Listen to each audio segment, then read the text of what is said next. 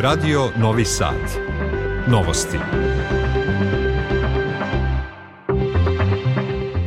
Dobar dan, ja sam Goran Pavlović. Ja sam Tatjana Miražić. Vesti dana. Pregovori o odnosima Beograda i Prištine se nastavljaju. Prioritet ostaje formiranje zajednice srpskih opština.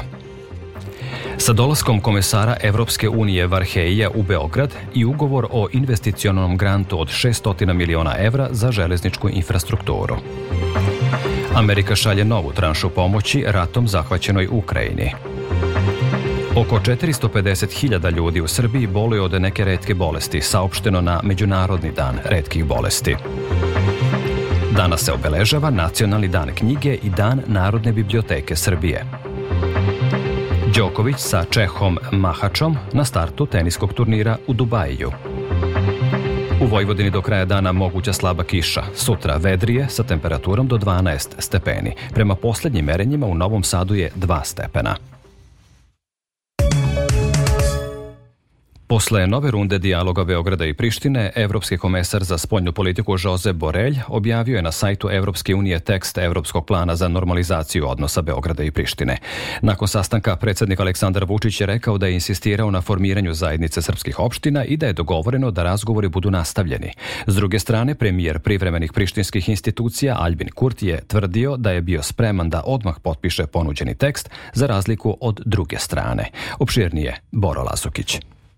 Vučić je objasnio da se ovoga puta nije konkretno govorilo o evropskom predlogu za Kosovo i Metohiju, nego o primjeni nečega iz prošlosti. Ponovio je da će razgovori biti nastavljeni, ali da je formiranje zajednice srpskih opština prioritet. Mi smo govorili o onome, o nečemu što je drugo. Gospodin Kurti je došao sa idejom da se potpisuje nešto, dakle o tome nismo razgovarali i tako nešto nije prihvatano. Ja čekam da vidim i implementacioni plan i pre svega implementacioni plan koji se tiče prethodno postignutim obavezama. Navodeći kako je bio spreman da potpiše ponuđeni dokument, Kurti je rekao da veruje kako su na dobrom i jednosmernom putu normalizacije odnosa Beograda i Prištine. Bilo bi dobro da evropski plan pročita što više građana i stručnjaka za međunarodne i pravne odnose i da se o tome povede demokratska javna rasprava. Borelji je naveo da su se obe strane složile da primjena plana ubrzo počne, iako je potrebno još razgovora kako bi bile dogovorene pojedinosti. A proposal that title Mogu da saopštim da su Vučić i Kurti dogovorili da nisu potrebni novi razgovori u vezi sa predlogom Evropske unije, koji je naslovljen kao sporazum o prelasku na normalizaciju između Kosova i Srbije. Tekst sporazuma biće objavljen na sajtu službe Evropske unije vrlo uskoro. Predsednica vlade Ana Brnabić izjavila je da zajednica srpskih opština sada mora da bude na dnevnom redu i naglasila da kredibilitet Evropske unije počiva na njenoj implementaciji. Direktor Kancelarije za Kosovo i Metohiju Petar Petković je u izjavi za medije naveo da su predstavnici privremenih institucija u Prištini pojačali propagandnu kampanju kojom nameravaju da obesmisle koncept zajednice srpskih opština. Predsednik odbora Skupštine Srbije za Kosovo i Metohiju Milovan Drecun kaže za RTS da je za njega važna vest iz Brisela što postoje različita tumačenja onoga što se desilo. Mi ne znamo uh, ko je šta prihvatio iz tog predloga znamo koje su naše crvene linije o kojima govorite. Kad se nešto implementira, treba pre toga da se dogovori i da se stavi potpis na to. Mi ovde vidimo žurbu Evropske unije, da se nešto postigne tu negde do pred kraja meseca, da bi oni mogli da se pohvale eventualnim napretkom. Do 18. marta bi, kaže Vučić, trebalo da se vide na teritoriji Severne Makedonije, kada će Borelj biti u poseti regionu, a do tada bi sa Miroslavom Lajčakom trebalo kroz šatl diplomatiju definisati konkretne stvari za implementaciju sporazuma. Opširnije informacije u vezi sa proteklim pregovorima večeras će od 21 čas na RTS-u saopštiti predsednik Vučić. Ugovor prvoj tranši investicionog granta Evropske unije za izgradnju brze pruge Beograd-Niš od skoro 600 miliona evra u okviru finansijskog paketa za železnički koridor 10 potpisan je u vozu u prisustvu Evropskog komesara za proširenje Olivera Varheja i predsednika Srbije Aleksandra Vučića. Sporazum su potpisali šef regionalnog predstavništva Evropske investicione banke za Zapadni Balkan Aleksandro Bragonzi i ministar građevinarstva Goran Vesić. O tome Vesna Balta. Sporazum se odnosi na gradnju deonice Stalać-Đunis na trećoj etapi buduće brze pruge koja će se prva raditi jer je za tu deonicu idejni projekat već završen i odobren. Deonica Stalać-Đunis duga je oko 18 km.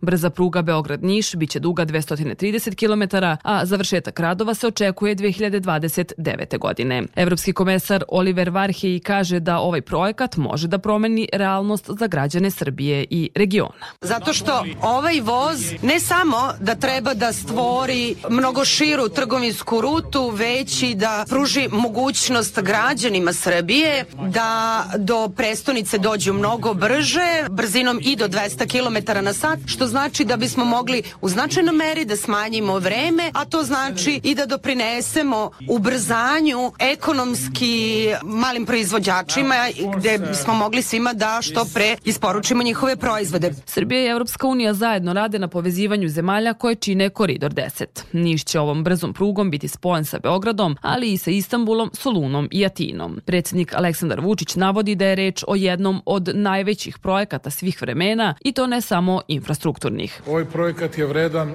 2 milijarde 775 miliona evra. Od toga sve od 2000. godine, dakle od kada radimo sa Evropskom unijom, ukupno u infrastrukturne projekte je uloženo 420 miliona evra. Nama Evropska unija daje, govorim o grantu, bespovratnih sredstava, nama Evropska unija sada daje 610 miliona evra na poklon. Od tih 2 milijarde i 775 miliona. 525 mi dajemo iz budžeta, ostalo ide iz Evropske investicione banke, iz Evropske banke za obnovu i razvoj pod najpovoljnijim uslovima mogućim. Predsednik poručuje da će kada je reč o prugama Srbija u narednih 10 godina pokušati ne samo da bude najbolja u regionu, već i da ide u korak sa razvijenim evropskim zemljama ali sve ovo nam je potrebno i zbog stope rasta kako bismo mogli da smanjujemo razliku između sebe i najrazvijenijih evropskih zemalja. Mnogo vam hvala na ogromnim parama koje ste nam dali. Naš narod to ume da poštuje. Na pruzi Beograd-Niš koja će se nastaviti na brzu prugu Beograd-Budimpešta planirano je da se vozovi kreću brzinom od 200 km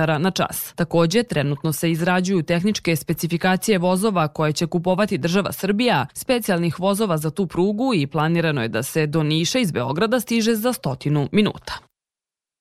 Predsednica vlade Ana Brnabić je izjavila da su glavni strateški prioriteti spoljne politike Srbije Evropska unija i regionalna saradnja. Premijerka je naglasila da su samo u decembru 2022. evropske kompanije u Srbiji direktno zapošljavale 281.363 osobe. Brnabićeva je to rekla u uvodnom delu regionalne konferencije Evroatlantske integracije Zapadnog Balkana, perspektive Zapadni Balkan, transatlantska saradnja i građansko društvo, koje se održava u Beogradu.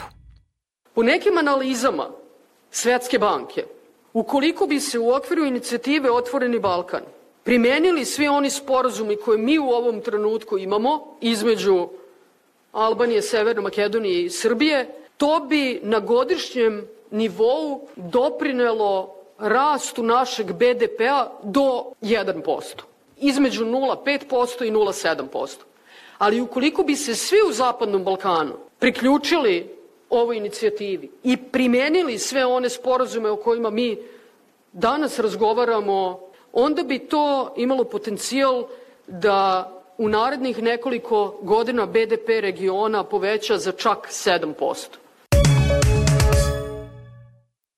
U nastavku novosti vesti iz regiona i sveta. Predsednik Republike Srpske Milorad Dodik čestitao je svim građanima Srpske 31 godinu od donošenja prvog ustava Srpske, ističući da treba svi da budu ponosni na sve one koji su stvarali Republiku i one koji su je razvijali.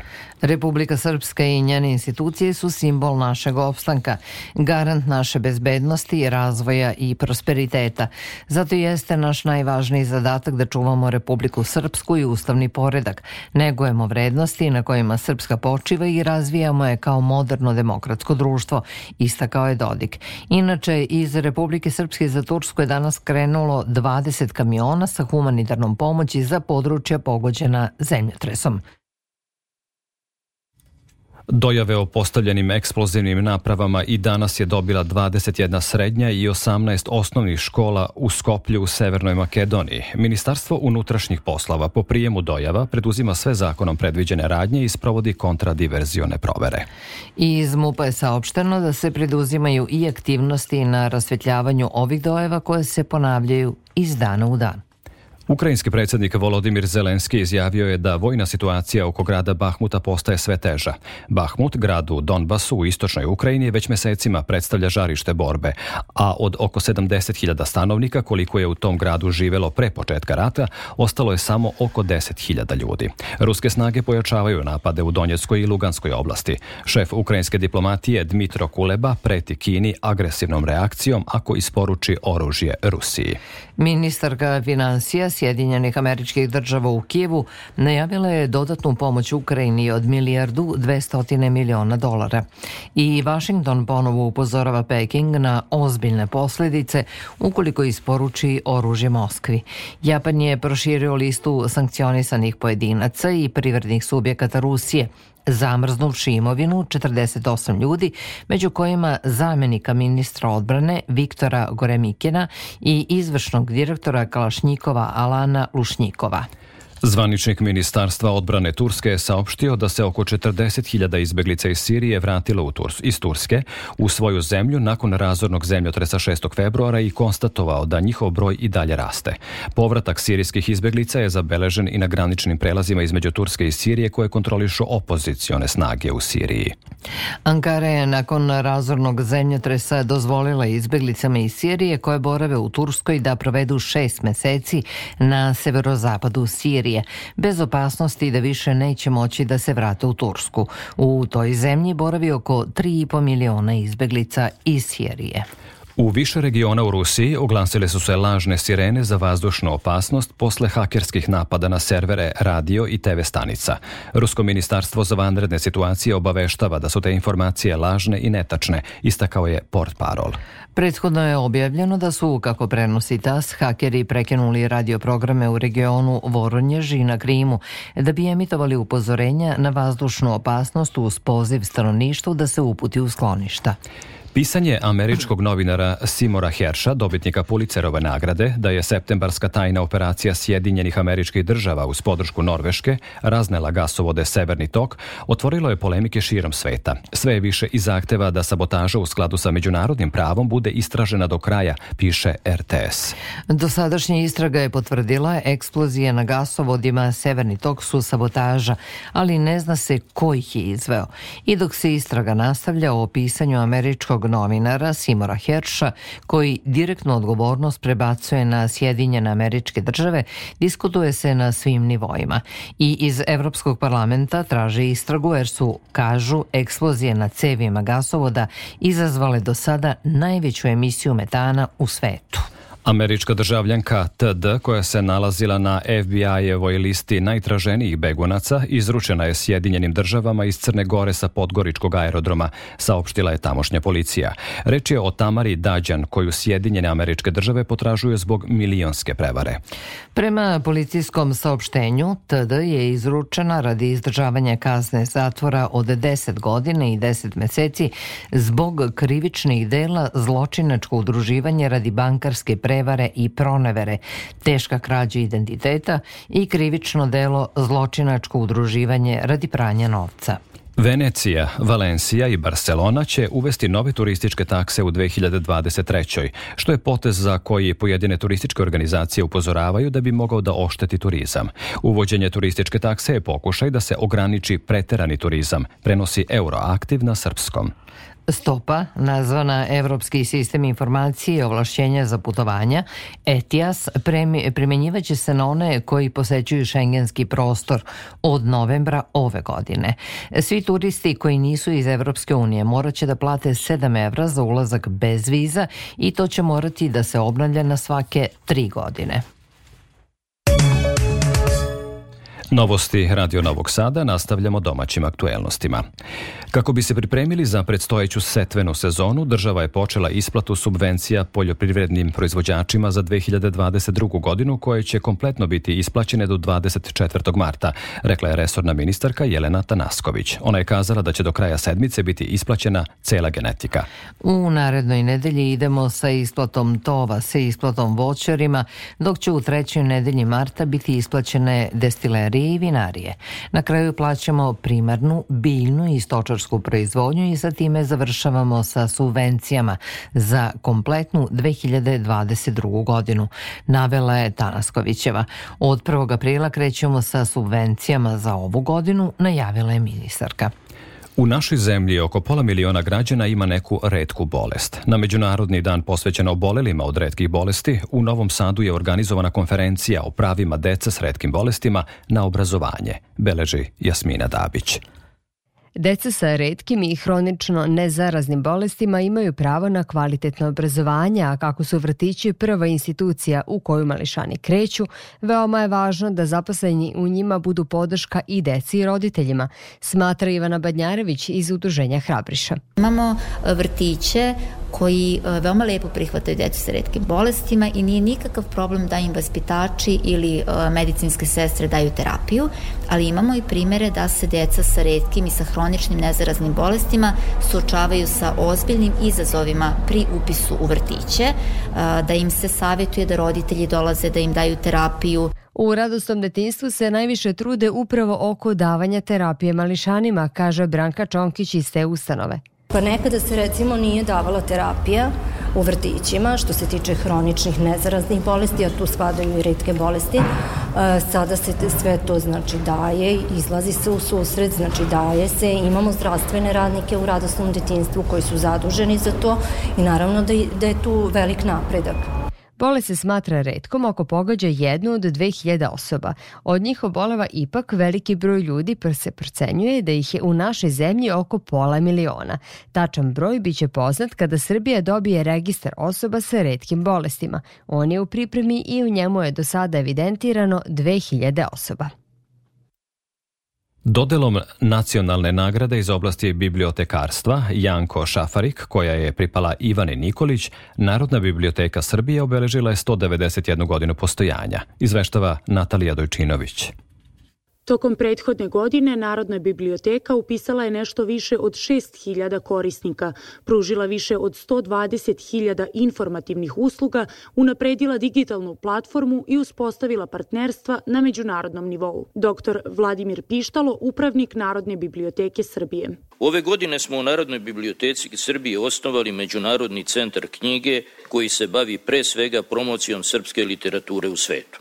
Godine 1832. osnovana je Narodna biblioteka Srbije, ustanova kulture koja je delila sudbinu zemlje i naroda i odolela ratnim vremenima. Zgrada Narodne biblioteke ove godine navršava pola veka postojanja, a obeležava 121. godinu od osnivanja – Sada, kao Feniks koji se izdigao iz pepela, prati savremene trendove u oblasti kulture. Maja Gojković, ministarka kulture. Sa više od milion i dvesta hiljada dokumenta digitalizovane građe koja predstavlja javno nacionalno dobro, ona je danas otvorena riznica i utočište za sve ljude koji žele da koračaju kroz svet znanja. Tradicionalno na Dan Narodne biblioteke Srbije dodeljuje se nagrada Janko Šafarik. Ove godine laureatkinja je Ivana Nikolić, koja prema rečima žirija već 35 godina posvećeno radi na unapređenju međunarodne saradnje i obogaćivanju Fonda Narodne biblioteke. Svečanost je zatvorena besedom akademika Dušana Kovačevića i numerom My Way u izvođenju muškog vokalnog sastava Beogradski zvon pod dirigenskom palicom Đorđa Stankovića. Jedna sasvim neobična srpsko-francuska veza. Tema su i naziv nove izložbe u galeriji Matice Srpske koja će biti otvorena u petak. Pojedinosti Aleksandra Rajić.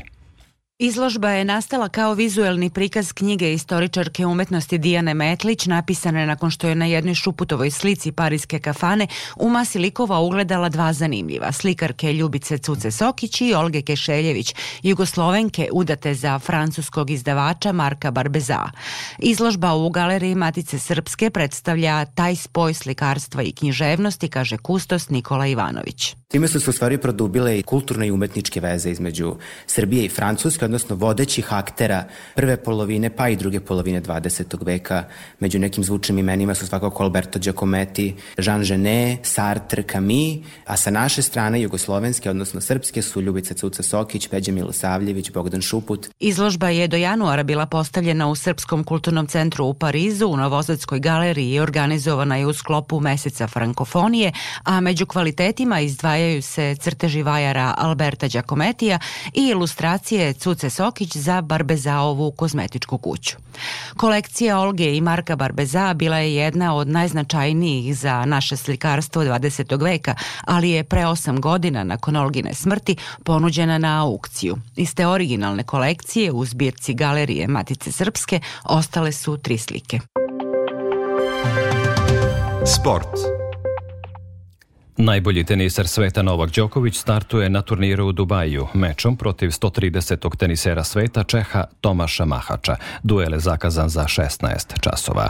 Utakmicama Radnički Niš, Vojvodina i Radnik Voždovac danas počinje 24. kolo naše futbalske superlige. Susret u Nišu počeće u 16, a u Surdulici u 18 časova.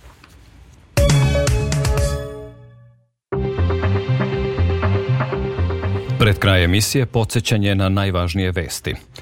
Pregovori o odnosima Beograda i Prištine se nastavljaju. Prioritet ostaje formiranje ZSO. Sa dolaskom komesara Evropske unije Varheija u Beograd i ugovor o investicionom grantu od 600 miliona evra za železničku infrastrukturu. Amerika šalje novu tranšu pomoći ratom zahvaćenoj Ukrajini. Oko 450.000 ljudi u Srbiji boluje od neke redke bolesti, saopšteno na Međunarodni dan redkih bolesti. Danas se obeležava Nacionalni dan knjige i Dan Narodne biblioteke Srbije. Đoković sa Čehom Mahačom na startu teniskog turnira u Dubajiju. Prema poslednjim merenjima u Novom Sadu je 2 stepena. Da čujemo i opširniju prognozu. U Vojvodini u sredu oblačno i toplije nego utorak. Tokom većeg dela dana biće suvo, a mogući su i kratkotreni sunčani intervali. Vetar umeren istočnih pravaca u južnom banatu povremeno pojačan i jugoistočni. Pretisak iznad normale. Minimalna jutra temperaturu 0 do 3, a maksimalno od 8 do 12 stepeni. Kasnije uveče kiša na jugu Vojvodine. Temperaturu 22 časa od 3 do 6 stepeni. Za Radio Novi Sad Stanko Sparavalo, Meteos. Slušali ste novosti prvog programa radija RTV-a. Sve vesti iz zemlje i sveta možete pronaći na našoj internet stranici rtv.rs gde ovu emisiju možete slušati odloženo. Novosti tonski realizovao Zoran Vukolić, producentkinja Branislava Stefanović. Pred mikrofonom bili urednik Goran Pavlović i Tatjana Miražić. U nastavku programa sledi Radio Sport. Hvala na pažnji.